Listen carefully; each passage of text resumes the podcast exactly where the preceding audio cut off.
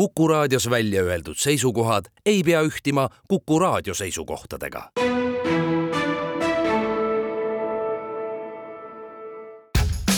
ja nüüd kohe algab Jukuraadio. Juku-Kalle Raidi köögilaua taha ongi juba kogunenud kõikvõimalikud spetsialistid ja muidu toredad inimesed. tore, et sina ka tulla said. häid mõtteid toob Jukuraadiosse Postimehe kirjastus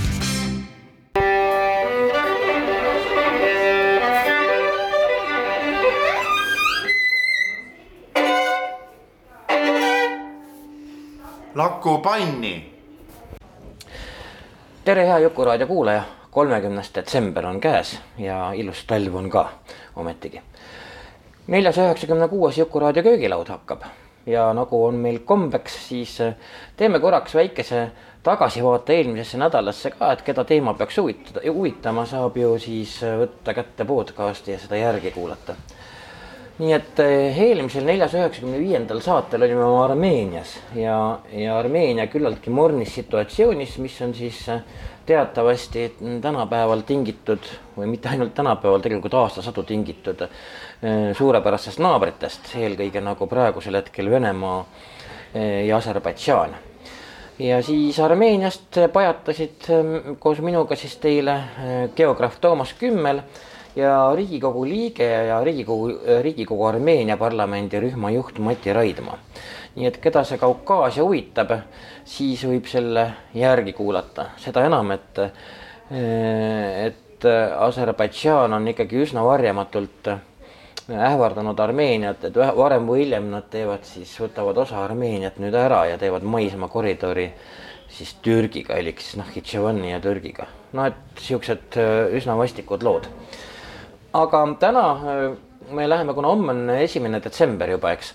ja siis on ju see teatavasti detsember on aastavahetuskuus, on lõbus, nagu me kõik teame.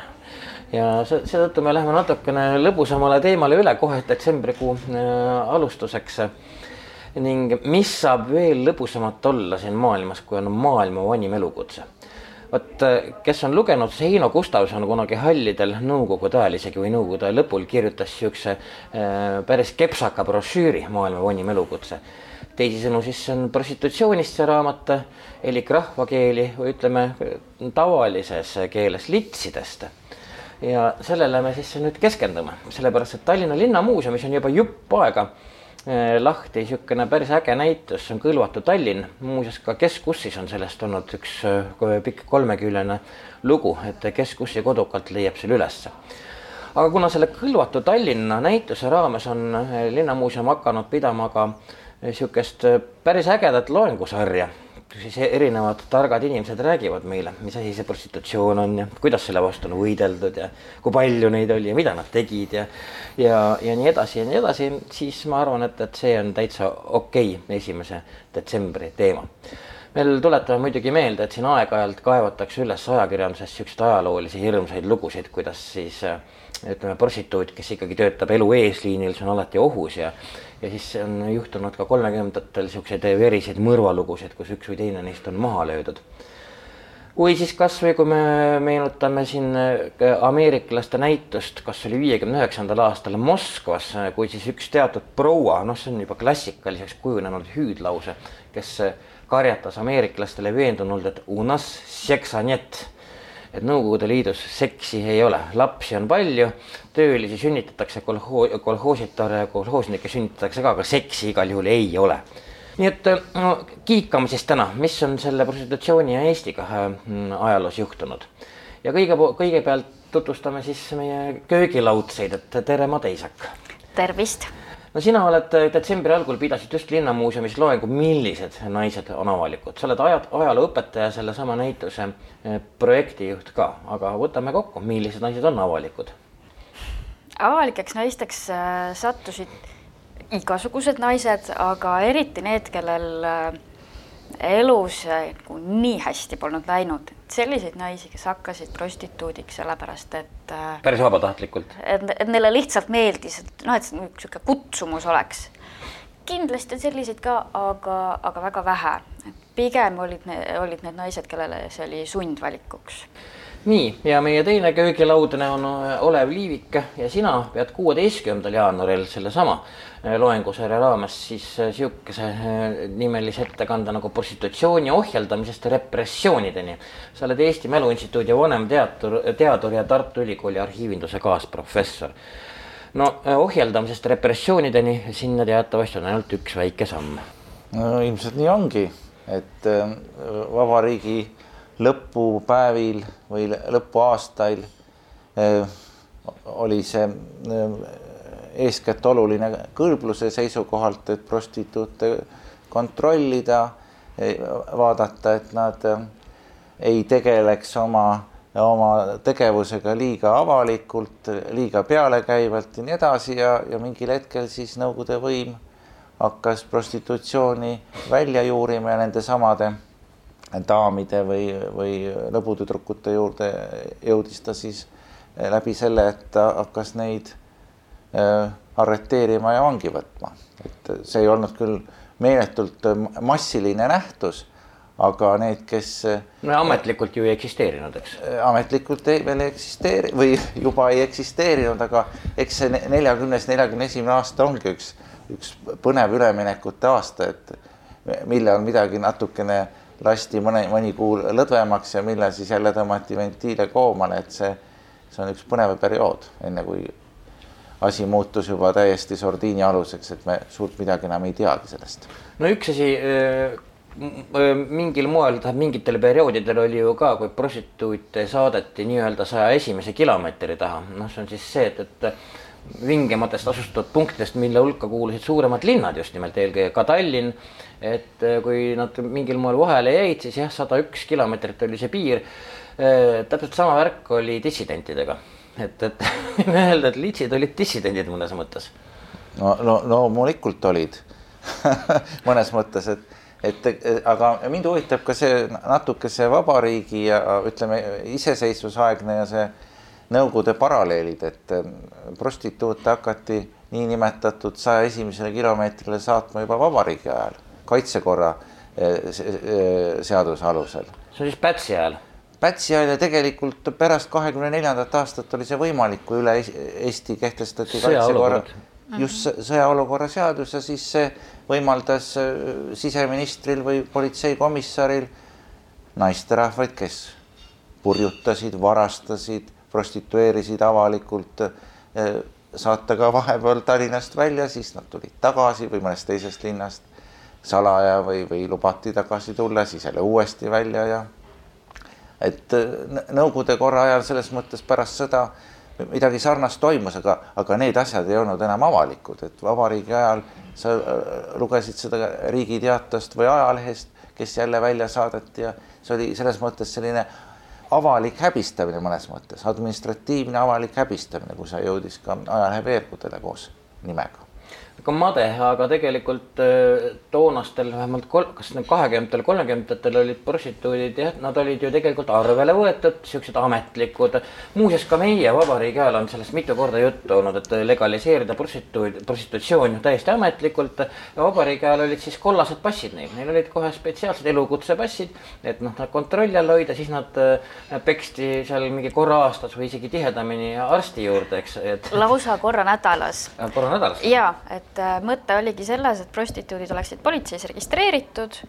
kui neil oli mingeid muid dokumente, siis need võeti ära ja ta sai äh, siis kollaseks passiks nimetatud dokumendi, mis äh, noh, põhimõtteliselt oli ta nagu kolm ühes dokument, isikut tõendav dokument, ametitõend ja tervisetõend. ta pidi siis iga nädal arsti juures käima, ausalt kõik ära rääkima, kuidas olukord on, ega kuskilt ei kihele ja nii edasi Äh, ja, ja iganädalase tervisekontrolli tulemus siis märgiti sinna ka üles, et kui kliendil oli soov, siis ta võis äh, seda vaadata, näha, kas on terve. Ja kui ta oli haige, siis saadeti sundravile. et mõte oligi siis suguhaiguste leviku piiramine. Nojaa, aga kas sa tead ka, millest see nimi, ma hakkasin praegu mõtlema, see kollane pass just tuleb see ei olnud iseenesest kollaste kaantega? ja olen kuulnud erinevaid variante, jah, üks variant on, et äkki oli kollane, siis, äh, siis muidugi on see, et, äh, et äh, kollane värv on üldse selline, mida on ajaloos prostituutide ja muude soovimatute. ka kollane ajakirjandus. kollane ajakirjandus, just, just, just et, et ta võib tulla sealt või noh, või siis, et oli lihtsalt selline koltunud kaantega. et mina ausalt öeldes ei tea, mis see, mis see täitsa, lõplik põhjus täitsa huvitav oleks, kui keegi, kui keegi teab, siis kirjutage mm. -hmm. ma tahaks lihtsalt targemaks saada, et miks kollased passid, aga okei okay. aga lähme korraks natukene kaugemale ajalukku ja noh, me katsume kuidagi enam-vähem Eestiga piirduda. sest meil on ju ka keskajal, varauusajal oli ometigi väga, vägagi täpselt teada, et näiteks noh, keskajal oli selleks kohaks tihtipeale saunad kus see asjandus siis toimus. et noh, litsimaju kui selliseid vast eraldi ei olnud, aga jah, saunad olid siis need. Äh, oli ikka bordelle ka juba sellel ajal, äh, aga tõesti olid saunad, olid kõrtsid, kus, äh, kus olid siis võimalus nende prostituutidega aega veeta et keskajal oli prostitutsioon ja bordellide pidamine täitsa tavaline, normaalne linnaelu osa. et hilisematel aegadel on nagu need hoiakud natuke muutunud, niisugune moraal, moraal äh, vängemaks läinud. Ja siis kuueteistkümnenda sajandi lõpul täiesti linnas sees keelati prostitutsioon ära. No see tähendas, et nad läksid siis eeslinnadesse, no kõik jah, kõik ei läinud ka, aga noh, et siis nagu olid karistused ette nähtud selle eest.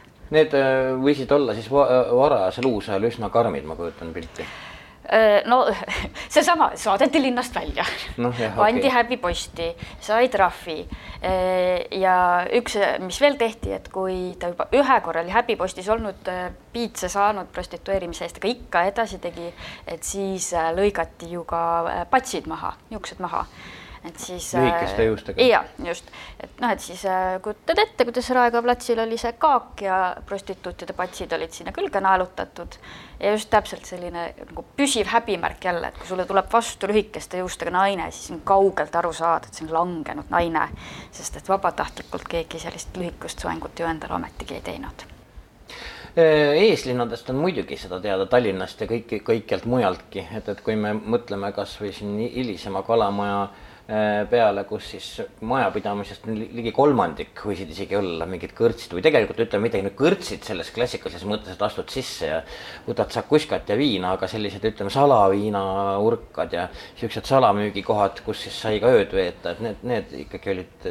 siuksed noh, üsna teada-tuntud ka ümber Tallinna, millest on üsna palju dokumente mm -hmm. ka säilinud. just, noh, ja ega kõrts äh, varasemal ajal ongi olnud nagu võib-olla siis rohkemate funktsioonidega, kui sa siin praegu nimetad, et astud sisse ja natuke trimpad, et, et seal elasid äh, pikemat perioodi mitmesugused inimesed äh, ja nende hulgas siis noh rändurid, juhutöölised, äh, aga ka siis äh, hooradeks ja prostituutideks tembeldatud naised, naised, kellel pole eestkostjaid, naised, kellel, kes või paarid, kes elavad vabaabielu et, et kõike seda on kõrtsides tõesti ette tulnud. niisugune kahtlane element, eks ole ju toonases mõistes kahtlane, väga kahtlane element.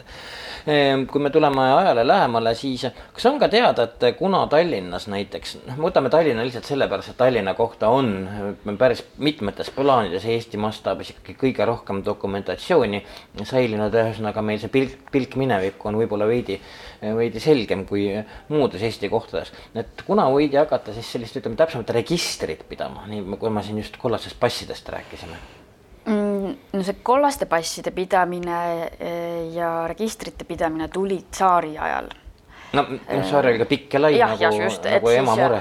üheksateistkümnes sajand oli see, kui eh, hakati nagu eh, selgemalt neid asju reglementeerima, pandi, tulid bordellimäärused ja, ja tehti sunduslikuks see, et, et prostituudid peavad äh, olema kirja pandud, neil peab kollane pass äh, taskus olema äh, ja, ja kellel, kes seda ei tee, siis saab ränga trahvi.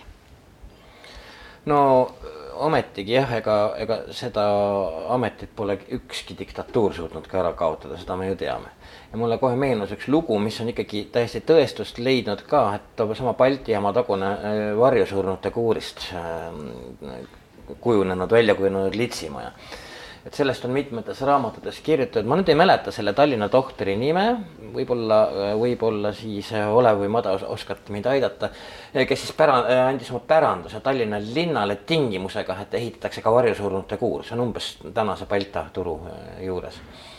ja kuhu siis võivad kõik soovijad oma oma surnud omaks viia, et noh, äkki ärkab üles. see muuseas ei olegi väga naljakas, see oli üheksateistkümnendal sajandil päris tõhusalt Euroopas levinud paanika, need kõikvõimalikud õudusjutud, kuidas siis äh, inimesed ikkagi hauas üles ärkavad ja siis äh, kui kellelgi kahtlus tekib, haud lahti kaevatakse, siis nähtakse, kuidas ta on küüntega kraapinud seda kasti, et sealt välja pääseda. ühesõnaga niisugune varjusurmamaania oli mõnes mõttes ja seetõttu no see siis. Bergengrün on ju kirjutanud seda, jaa aga Tallinna kõrval ikka seda äh, üheksateistkümnendal sajandil ei saa muidugi Tartut jätta kõrvale, et ja. ma arvan, et Tartu kohta on sama. no üliõpilasi palju. just, just, et äh, seesama Gustavson, kellest sa ja. rääkisid, on vist äh, proovinud mingit statistikat kokku panna ja ta on avastanud, et Tartu oli, kui vaadata nüüd meessoost vist vallaliste elanike kohta oli prostituudide arvu poolest Euroopas üks juhtivaid linnasid nojah, et väike linn, üliõpilasi palju, eks ole, ja kõik tahavad lõbutseda. just, et eks see selleaegne prostituut pidigi siis ikkagi sõjaväelasi, ütleme siis rahuldama üliõpilasi, niisuguse nooremaid mehi, et ega abielumehe minekut sinna prostituudi juurde vaadati ikka väga kahtlaselt.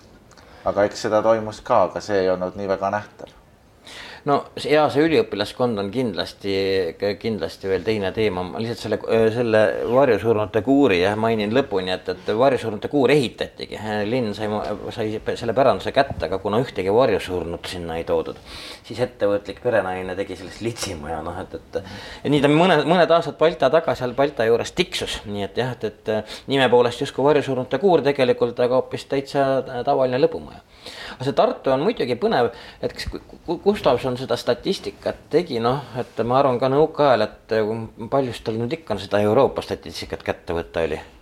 Ei no ega see ei pruukinudki väga täpne olla, aga, aga ta vähemalt seal nii palju, kui ma mäletan, vaatas, võrdles nende muude suurlinnadega seal Pariisi ja Peterburi ja kõike ja sinna kõrvale pani ja Tartu oli auväärselt ikka seal esimeste hulgas, ütleme niimoodi, see, kui me vaatame suhtarvu mm. -hmm.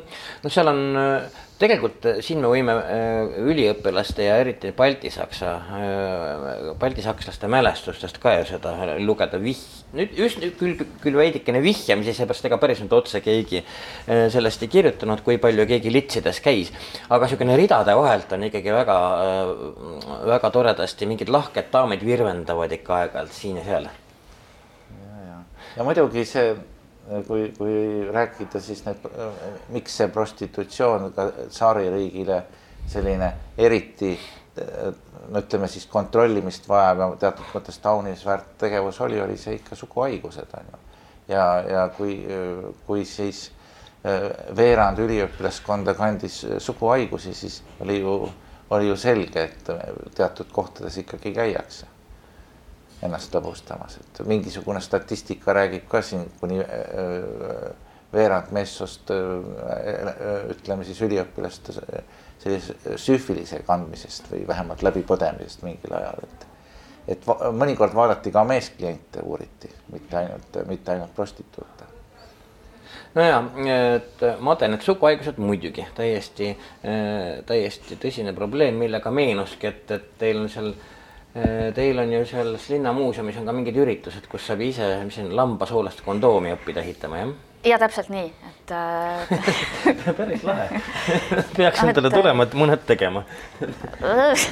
No äh, mõnda võib-olla ei saa, aga ühe äkki saab, äh, sest et ega see on kallis kraam, ühe lamba pealt saad täpselt ühe kondoomi teha, sest et kondoomi tehakse pimesoolest noh, hakati neid selliseid tegema ilmselt juba seal kuusteist, seitseteist sajand, noh siis, kui süüfilis esmakordselt äh, levima hakkas.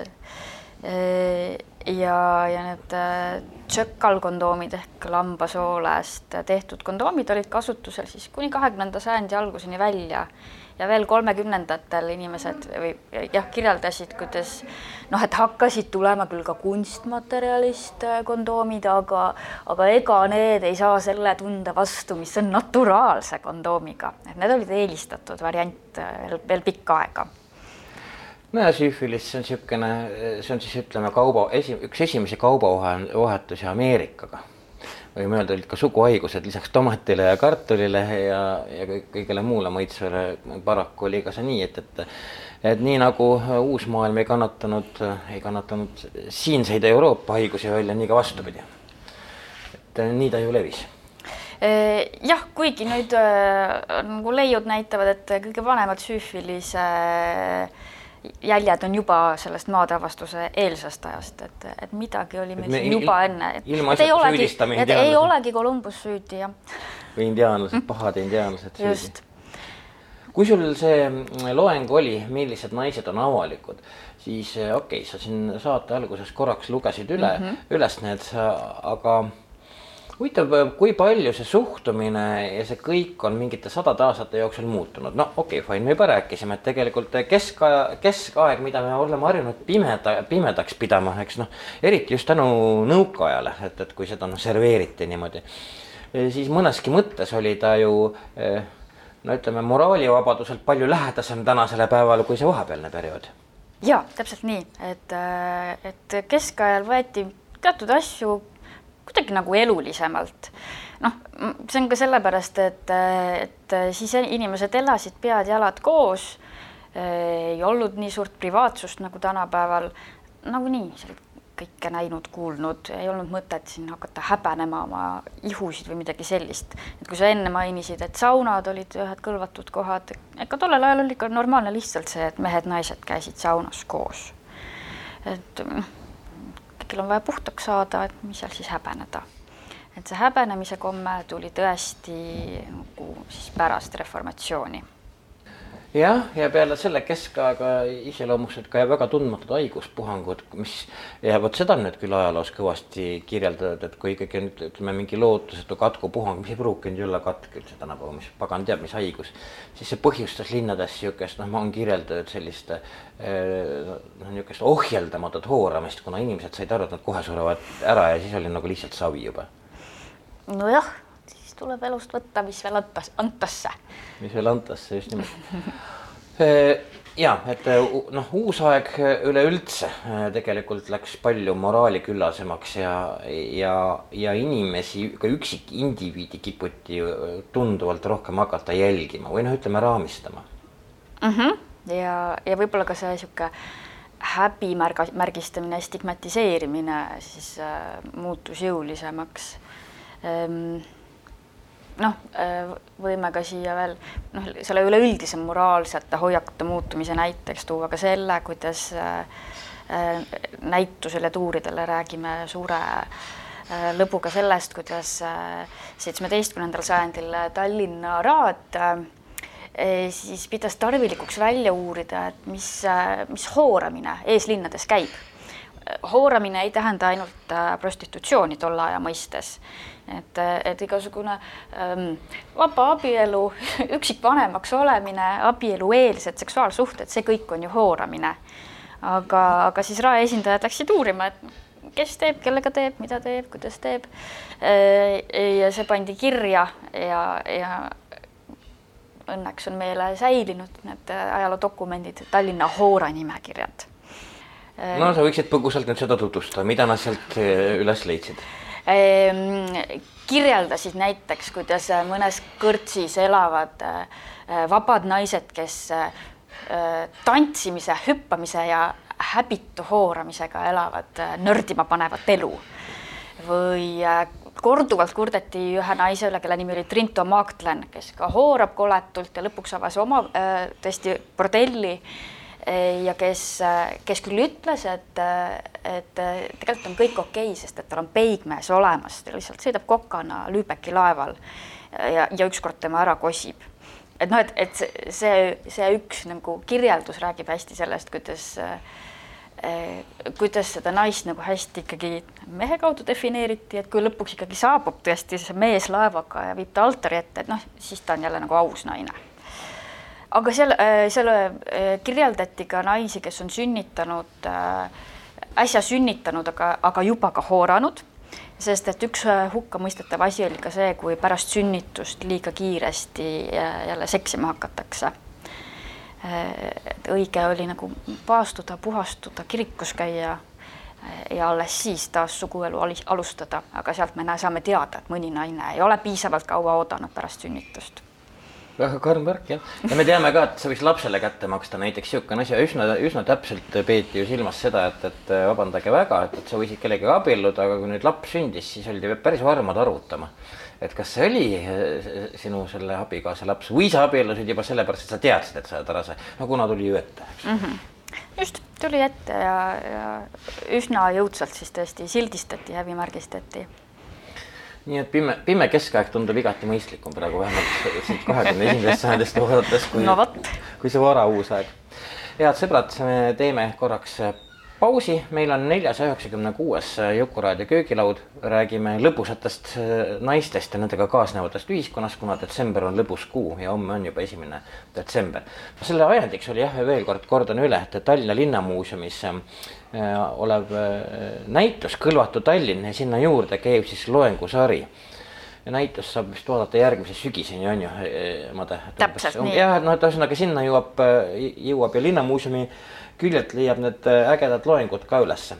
aga siis meiega on täna Made Iisak, kes on siis ajalooõpetaja, näituse projektijuht, sama nimetatud näituse projektijuht ja oli, pidas seal ka siis viiendal detsembril loengu Millised naised on avalikud, aga ka Olev Liivik, kes on Mälu Instituudi vanemteadur ja Tartu Ülikooli arhiivinduse kaasprofessor ja sinu prostitutsiooni ohjeldamisest repressioonideni loeng veel tuleb äh, kuusteist jaanuar, siis me jõuame sellest natuke rääkida, mis sa seal pajatama hakkad aga kõigepealt teeme väikese pausi, oleme kohe tagasi. Te olete Kuku raadio lainel ja kuulate Jukuraadiot. häid mõtteid toob Jukuraadiosse Postimehe kirjastus nii head Jukuraadio kuulajad, neljasaja üheksakümne kuues Jukuraadio köögilaud on nüüd ma parandan kohe ära, ma puterdasin siin eh, eelmise ploki alguses, meil ei ole mitte kolmekümnes detsember täna, vaid kolmekümnes november, ma ei tea. miks aasta lõpul kipuvad kõik kuud ja kuupäevad sassi minema, nii et homme on ju esimene detsember. ja ka meie lugupeetud eh, külalise Made Iisaku ajalooõpetaja näituse, eh, Linnamuuseumi näituse Kõlvatu Tallinn projektijuht, mitte ei ole pidanud loengut, millised naised on avalikud, vaid teeb seda viiendal detsembril, elik siis meil on veel viis päeva aega, nii et sinna saab veel ühte regada, ma kujutan pilti. täpselt nii, tehke muuseumi leht lahti ja tulge kõik. ma kuidagi mõtlesin, et sa oled juba selle ära teinud, aga ennäe, et piisas meile vaid üks paus teha, natukene paberit vaadata ja me saime kohe aru, et sellest tuleb nii et selles mõttes on väga okei okay kõik, viies detsember, millised naised on avalikud, Made Iisaku loeng Tallinna Linnamuuseumis. ja teine külaline, äh, Olev Liivik, Eesti Mälu Instituudi vanemteadur ja Tartu Ülikooli arhiivinduse kaasprofessor. Ja sinu loengu kuupäevaga ma ei puterdanud, see on ikkagi kuueteistkümnes jaanuar ja teemaks on siis prostitutsiooni ohjeldamisest repressioonideni. Aga nagu jah, me siis prostitutsioonist siin äh, täna pajatame ja ma võib-olla äh, korraks, äh, kuna siin jah, mõni aeg tagasi see oli isegi, ma ütleksin, et paar aastat tagasi tegelikult kirjutas Madli Vendik Kes kus sellest kõlvatust Tallinnas, sellest näitusest. kes kus see artikkel, selle leiab kes kus ee aadressilt ülesse ja kus ta siis mm, kirjeldab seda näitust niimoodi, ma korraks siis tutvustan teile audio vormis seda. kuidas sisenedes leiab külastaja end esmalt stiliseeritud keskaegselt tänavalt. otse ees kõrgub kirik altari, vitraažakna, kirikupingi ning hooramiselt tabatud õnnetu naisega. aga need, kes ootavad näituselt nõretavat erootikat ja vulgaarseid visuaale tegelikult äh, võivad rahulikult kolida internetti ja hakata pornot surfama. sellist äh, midagi silmatorkavat pornograafilist selles ähm, ruumis ei ole. aga pikantsuse jahtijad küll seal peavad avama raamatuid, eks, mis äh, paistavad igati siivsate lauluraamatutena, aga seda ei ole. okei okay,, näitust me ümber ei hakka jutustama, muidu kaob igasugune, igasugune mõte seda külastada ju kui me nüüd esimeses plokis äh, rääkisime jah, siin üheksateistkümnendast sajandist pimedast keskajast, mis ju, ju tegelikult äh, ütleme siis oma vabameelselt on tänasele lähem kui need vahepealsed sajandid, näiteks uus, uus, uusaeg, eriti peale reformatsiooni. ja siis üldist ühiskondlikku kontrolli, äh, ühiskond ütleme siis tegelikult see on siis niisugune ka ühiskondlik enda kontroll enda vastu pigem isegi. et noh, et mitte, mitte isegi ainult institutsioonid, vaid inimesed ise kippusid äh, ennast kontrollima, siis selline enesetsensuuri moodi äh, värk, et lihtsalt see äh, elu oli siis niimoodi. aga Olev Liivik, see prostitutsiooni ohjeldamisest repressioonideni no nüüd me võime küll siis minna kõigepealt tegelikult kuhugi kahekümnendatesse, kohe kahekümnendatesse aastatesse ja mingilgi, mitmelgi moel me saame tõmmata kahekümnendate aastate ja siis üheksakümnendate vahel paralleele. et kui see vabariik meil siis niimoodi käima läks kaheksateistkümnendal aastal siis juba toona ikkagi üsna palju hääli ajakirjanduses, et see on siis niisugune ütleme, liigvabadus või anarhia või kontrollimatus, need, need terminid saatsid ju kahekümnendaid aastaid tihtipeale. aga ilmselt siis seda ka prostitutsiooni eli klitsimajandust nojah, ja kahekümnendate kohta on ju meil ajakirjanduses oh, tohutult palju kirjeldusi. Ja siin ongi see, miks, miks see teema ka nii ülipõnev on on see, et kahekümnendad aastad ajakirjandus, mida me ju ei, me ei ütle, et Vaba Maa või Postimees on kollased, kollased ajalehed, aga neil on kollase ajalehe tunnused, neil on üks, üks lehekülg või kaks lehekülge just selliseid pikantseid lugusid. ja neid on eh, sellest ajast väga palju.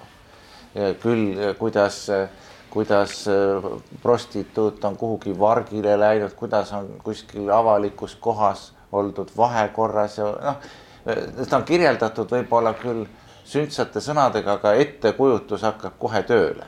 Ja kuidas ühte prostituuti äh, elukaaslane ründab kahvliga kuhugi, lööb talle rindu selle ja ja tal on enne olnud juba vigastused selle prostituudile, siis ta satub teist korda haiglasse ja nii edasi, nii edasi, nii edasi aga nüüd tuleb see küsimus, pärast äh, autoritaarse režiimi ajal hakkab ajakirjandus neid küsimusi hoopis teistmoodi käsitlema. no kolmekümne neljandast toimus ikkagi ka ajakirjandus, mitte nüüd mitte, mitte kohe, aga, aga üsna kiire kannapööre. ja, ja prostitutsiooni ja kogu selle öö, äh, ütleme äh, kuritegevuse kirjeldamisel muutub see diametraalselt, midagi varasemat enam ei toimu. seal võib-olla nimetatakse sageli nimed, kes on millegiga tegelenud. Nad pannakse häbiposti, aga selliseid lopsakaid, huvitavaid, pikantseid lugusid enam ei ole, et see on kohe ajakirjanduse uurijatel tasub seda vaadata, kui, kuidas muutub see kirjelduse toon. et Pätsu-aegne ühiskond karistab selliseid inimesi, aga kuidas midagi juhtus kuidas need protsessid käisid, seda, see enam avalikkuse ette ei tule ma tahtsin. no siis see... pidi hakkama kodu kaunistama hoopistükkis. kodu kaunistama, võib-olla oli vaja peldik teha maale ja, kuhugi, muidu ja. sa said aita-aita või seal ja nii edasi, nii edasi. aga eh, siin Made rääkis ka, et kes see, millised need, kes need prostituudid olid? et ma natukene mõned aastad tagasi Äh, uurisin seda, et äh, meil on olemas äh, komplusvalve aruanded, seal ei ole küll isikuti kirjas, aga meil on olemas neljakümnendast aastast üks nimekiri, prostituutide nimekiri Tallinna kohta küll. see on siis kas äh, enne? kolmkümmend üheksa seisuga, aga Nõukogude võim tahtis näha, kes need on mm. -hmm. ja see on sellepärast säilinud ja, ja see annab teatud ikkagi sissevaate äh, kolmekümnendate aastate sellise äh, äh, prostituutide sellise tüpoloogiale. ma ütleksin niimoodi, et, et, et ikkagi domineerib inimtüüp, kes on jäänud politseile vahele vargustega, joomingutega, nii edasi, nii edasi, edasi. loomulikult võib, on neid asju kindlasti võimendatud et, et kui prostituut millegi vastu eksib, siis puhuti see alati suureks. aga teine inimtüüp, mis, mis sealt välja tuleb, on, on, on ikkagi inimesed või naisterahvad, kes on tulnud maalt, kes on selgelt läinud ka Nad on katkistes peredes tihti, neil ei ole kas ema või isa ja nad on tulnud linnadesse ikkagi ma ei ütle hõlptulu leidma, aga mingi töö, see ene, enesemüümine, prostitutsioon on neile olnud töökoht. ja kolmas tüüp, mida tegelikult esineb palju vähem, aga mida on meil teatud sari, litsid on kuidagi võimendanud. Heino Gustavson täpselt, on see, et justkui kolmekümnendatel aastatel Pätsu ajal tekkisid äh, naisprostituudid, kes tegid seda lõbujanu, elujanu või selle, et nad olid niisugused toredad eliitkurtisaanid, mis on muidugi jälle liialdatud, see on see Pätsa idealiseerimine, et siis nagu sotsiaalsed probleemid prostitutsioonil hakkavad vajuma tahapoole, me, ühiskond muutub rikkamaks ja tekivad sellised eliitprostituudid.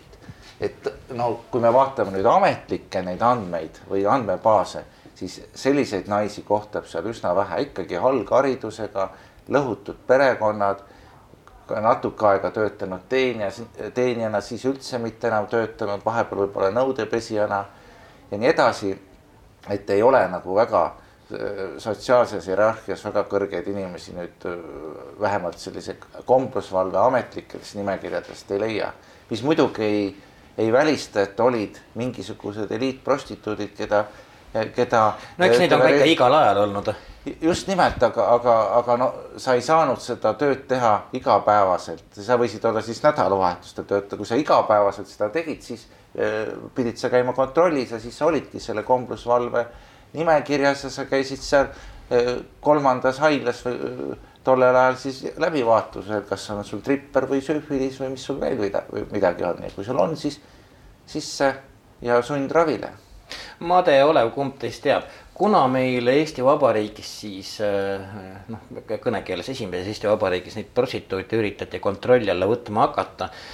Äh, sest noh, vabadussõja ajal seda ilmselt ei olnud aega ega võimalust, et see ilmselt ikkagi mingil hetkel hiljem äh, tekkis või. kahekümnendate algul kohe no.. et mm, -hmm. et siis Saksa ajal oli prostitutsioon väga äh, hästi reguleeritud, et hiljem äh, võetigi need Saksa seadused. Kõik, ei osanud hästi reguleerida. et olid äh,, bordellid olid registreeritud äh,, lõbutüdrukud olid registreeritud, siis tuli selline väike kaoseperiood, aga üsna kahekümnendate aastate alguses püüti hakata asja reguleerima. just see kas see siis oligi, kas siis kohe äh, Made need kollased passid? jah, just, just, just, just, just. Või noh, õigemini need kollased passid olid, juba, juba enne, aga lihtsalt, et, äh, et Saksa korraga nagu tõepoolest juba Saksa okupatsiooni ajal äh, registreeriti neid väga hästi ja täpselt ja on olemas see kataloog, kus need registreeriti prostituudina, kus igaühest tehti pilt pandi kirja nimi, mõne puhul äh, on selle nagu päris põhjalik andmestik, nimi, isa nimi, kust ta pärit on. Äh, ja noh, ja siis võib siin-seal mingeid märkusi veel olla, et noh, umbes, et mis tööd see isa ka tegi või midagi niisugust või mõne puhul on, et äh, hilisemalt, hiljem veel juurde pandud, et nüüd välja rändan, välja saadetud Poolasse ja, ja nii edasi nii et, et Saksa ajal seda alustati ja kui noh, sakslased taandusid, siis eestlased täpselt sama süsteemiga jätkasid edasi. Kas meil oli siis ka niisugune asi nagu bordell, bordelli määrus, sest tuli ju meelde, et tuhat kaheksasada seitsekümmend kaks, see on siis samal äh, enam-vähem kohe peale äh, Peterburi Paldiski raudtee avamist tuhat kaheksasada seitsekümmend kehtestati Tallinnas bordellimäärus. kusjuures ma ei mäleta, kes see neist ajaloolastest oli, kes leidis siit seose äh, raudtee avamise ja bordellimäärusega, mis võib-olla ei ole üldse rumal järeldus, sest et see võimaldas inimeste üldiselt noh, ikkagi kordades ja kordades kiiremini liikumist. ja seda värki me ju teame ka, et, et teistes linnades käidi litsi löömas, eks ole ju ja see määrus sedastas, et Tallinnas tohtis olla kuni kuus lõbumaja, et, et, et ähm, mitte, mitte rohkem ja kuhu ei tohi ametisse võtta veel leeris käimata luteri usulisi.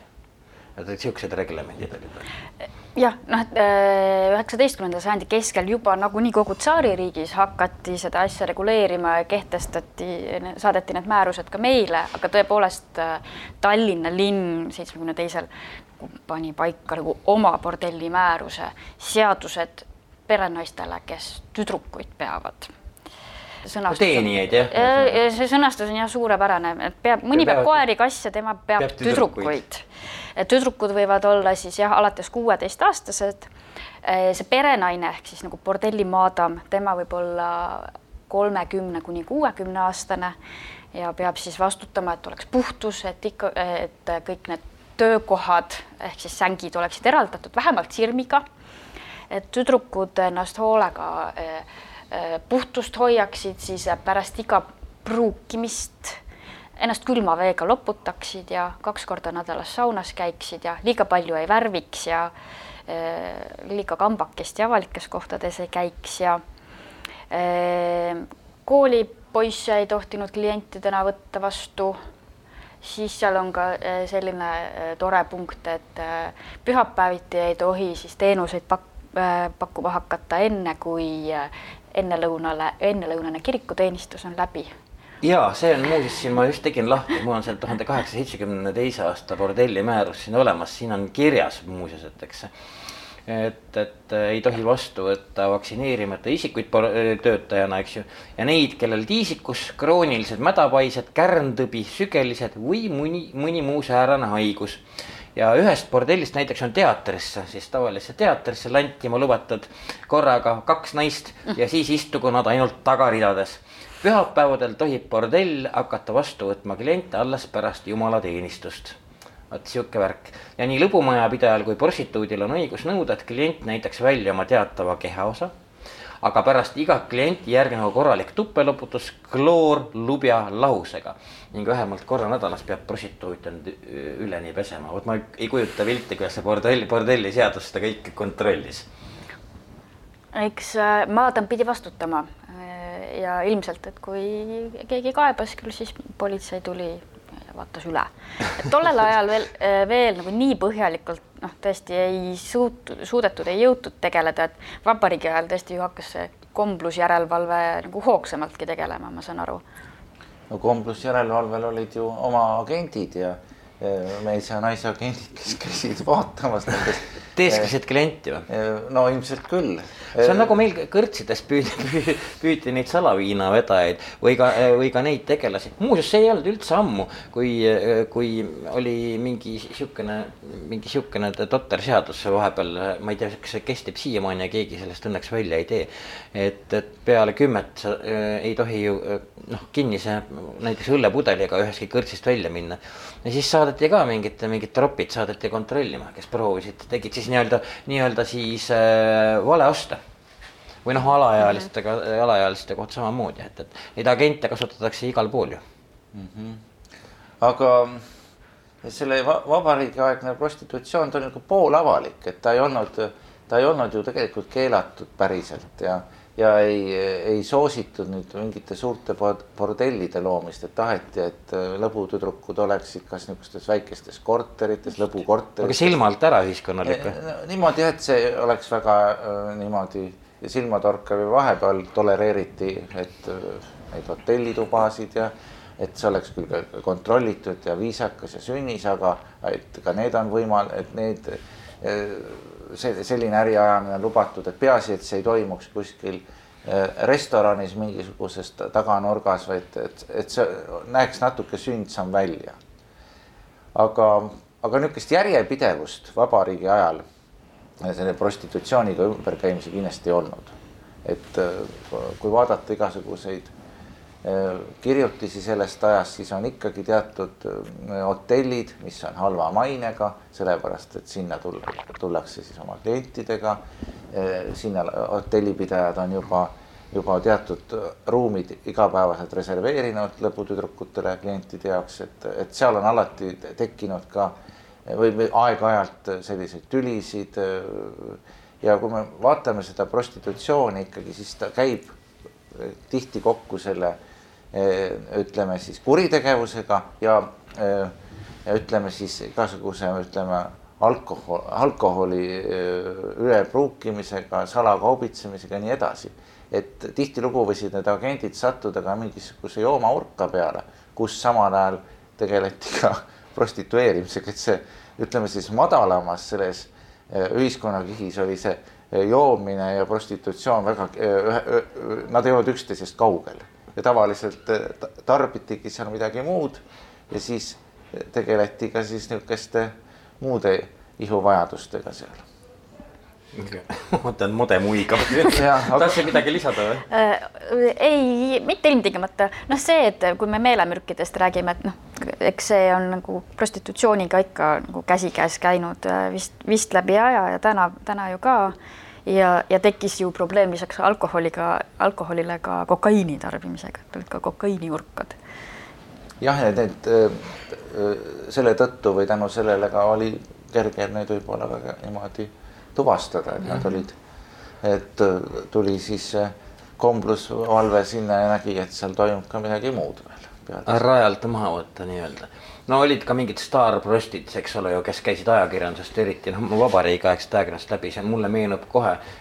Sellest oli vist sellel näitusel ka, ma nüüd käisin tükk aega tagasi, Tunkrilonni, Tunkrilonni, vot, kas sa mäletad temast, et see Tunkri tänaval muidugi, eks ole. Mm, -hmm. siis tema siis niisugune noh, seal on ka tema üsna niisugune morn elulugu, eks ole ju välja toodud noh, Tunkrilonni sai kuulsaks oma elu kurva lõpu pärast. No,. jah, et tema, tema mõrvati, mõrvati.. just. Äh, nagu erakordselt äh, usin rahakoguja, et ta elas tõesti ise nagu ülinappides tingimustes kuskil Pööningu kambris, äh, maksis viis korda vähem kui mingi, kui ülejäänud korterid seal majas, äh, kõik, mis teenis, pani siis kõrvale ja sukasäärde ähm,. Aga Tunkril-Onni ilmselt tegi tõesti oma tööd väga hästi, sest temal olid püsikliendid, kes käisid kümme-viisteist aastat ainult Lonni juures ähm, nii et tänavalt ta nagu kliente otsima ei pidanud. noh, ja Lonni puhul, et kui me küsime, kes olid prostituudid, et siis täpselt, täpselt seesama lugu, mis siin eh, Olev enne mainis, eh, kehtib ka siin, pärit Mulgimaalt, paljulapselisest perest, kus isa suri varakult. Lonni oli vist kolmene nii et, et kõik need lapsed pidid juba noores eas ise elatist teenima hakkama ja nagu noh, tolle aja tütarlastele kombeks äh, alustas majateenijana, jõudis välja Peterburi. no ja siis juhtus midagi, jäi tööst ilma. no ja siis kujutad ette, noor naine võõras suures linnas, tahaks koju, aga raha ei ole. mis teed siis? noh, ja siis keegi hea inimene viis ta bordelli, ütles, et noh, siin saad siis raha teenida. ja, ja nii temast saigi siis äh, prostituut, kes siis hiljem tuli Tallinnasse, elas Tunkri tänaval ja noh, siuksed on, kui sa hotelli mainisid, siis muidugi siis eks see oli ka nõuk, nõukaajal nii, et, et mul tuli ju kohe meelde Viru hotell, kus oli ka väga reglementeeritud prostitutsioon, aga KGB oli kõigest teadlik. ja ikka absoluutselt väga kindlad litsid ainult said kindlad, noh, ainult nemad said, eks ole, mingite välismaalastega minna, nii et ei midagi uut siin päikesel. ja, ja see ongi see suur vahe, et äh, tolleaegse vabariigiaegse ajakirjanduses käivad lihtsalt äh, väga paljud hotelli nimed läbi ja veel käivad ka äh, selle Pätsu ajal, kuigi mitte seoses prostitutsiooniga, kas on toimunud mingisugune intsident, mida ütleme siis ridade vahelt lugedes sa saad aru, millega ilmselt tegemist oli. aga kui räägita, rääkida tõesti veel nendest eh, kolmekümnendate kasvõi lõpu prostituutidest, siis eh, torkab jah silma, et on õdesid, on mitmeid õdesid, ma, kui ma proovisin ükskord vaadata seda ühte nimekirja, mis kolmkümmend üheksa Tallinnasse puutub, ma tahan ka muidugi seda öelda, et need, kes olid Tallinnas arvele võetud, ega see ei tähendanud, et nende töökeskkond või areaal oli ainult Tallinnas, nad käisid kindlasti Tartus, Pärnus, nad liikusid. gastroleerivad prostituudid. just ja võib-olla ka mõni käis vahepeal Helsingis ja ega me ei tea, kuidas no,, kuidas nad liikusid, aga, aga um, kõige rohkem ma vaatasin neli õde olid, olid prostituudid, kõik olid. ja nad olid alguses küllaltki niisuguses heas lõbumajas, ma ei tea, kuidas nad lõpetasid, et oli, oli ka vabariigi ajal mitmeid siin Tallinnas ka mitmeid lõbumaju. Ja see on siis juba nagu perekondlik amet, nagu meil on siin ja, ja, näitlejad, perekondlik just, ja nii edasi. ja et, jah, et nooremat õde ma olen natuke eraldi uurinud, sest tal oli nagu väga kurb saatus, ta küüditati nelikümmend üks Siberisse. ja äh, sellest on vähe räägitud, et, et neljakümne esimese aasta küüditatute hulgas, küüditatute hulgas olid ka prostituudid, see oli Nõukogude Liidu üle, liidulises määruses ette nähtud, et tuleb saata välja ka peale sellist kapitalistidega kurjategijaid ja prostituute. Eestis seda eraldi statistikat kuskil selle kohta ei ole, et Leedu kohta meil on näiteks statistika, aga Eestis tuleb neid natukene tuleb otsida ja andmebaasides sorida, et saada selle, seda nähtust hinnata, kui palju neid välja saadeti, aga ühes perekonnas oli jah, et kolm vanemat õde pääsesid küüditamisest, et neil oli nii palju mõistust peas, et nelikümmend hakata taanduma sellest tegevusest aga nooremal õel vist ei olnud seda, et tema ta oli entusiast. jätkas julgelt ja mis kõige hullem, ta läks sõjaväe tööle nelikümmend üks Haapsalusse. okei okay,, siis ta oli oma, oma ameti entusiast tõeliselt.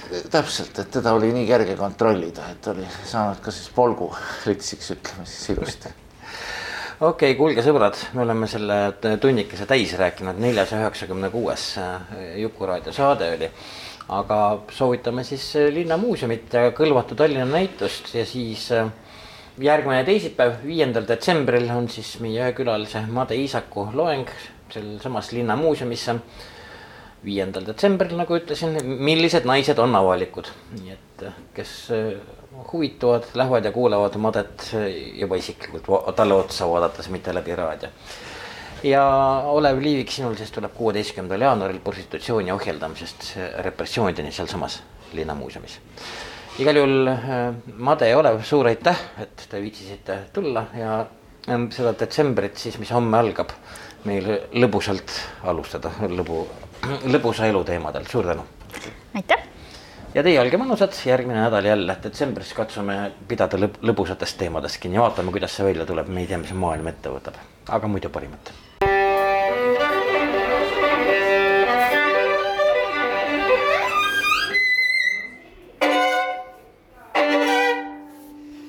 Laku panni. häid mõtteid toob Jukuraadiosse Postimehe kirjastus